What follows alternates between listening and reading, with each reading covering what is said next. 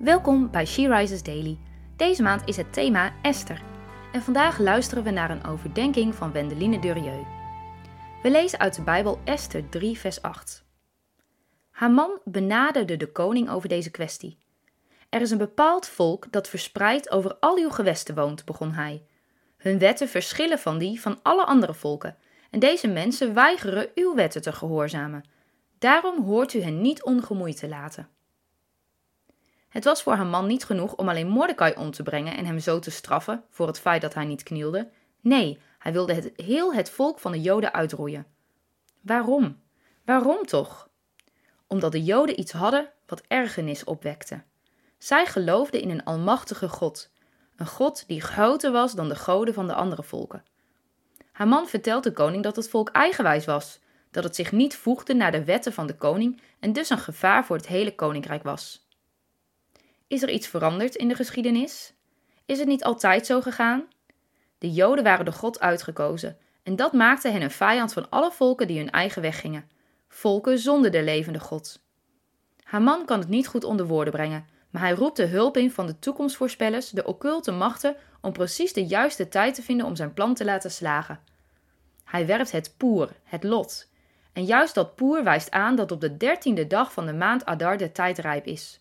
Want al had Haman met hulp van de boze machten de tijd uitgekozen, het was precies de tijd die God beschikte, de twaalfde maand, zodat het tijd was om een reddingsplan in werking te zetten. Wat de boze bedenkt om ons kwaad te doen, kan God op zijn tijd ten goede keren. Ook nu nog. Heb jij dat op momenten in je leven dat je het merkt? Dat God dingen ten goede keert?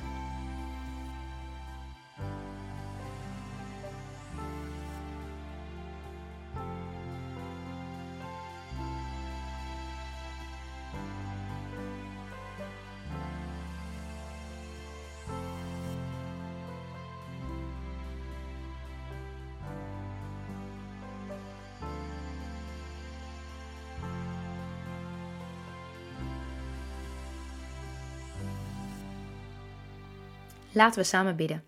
Heere God, u staat buiten onze tijd, maar u kunt precies op tijd ingrijpen in het leven van de Joden, maar ook in onze eigen levens. U laat zich niet verrassen door de plannen van boze machten. U heeft uw eigen plannen en gedachten, en die zijn anders dan de onze. Wij voelen angst en gevaar, maar u ziet oplossingen en verlossing. Dank u wel daarvoor. Amen. Je luisterde naar een podcast van She Rises. She Rises is een platform dat vrouwen wil bemoedigen en inspireren in hun relatie met God. We zijn ervan overtuigd dat het Gods verlangen is dat alle vrouwen over de hele wereld Hem leren kennen. Kijk op www.she-rises.nl voor meer informatie.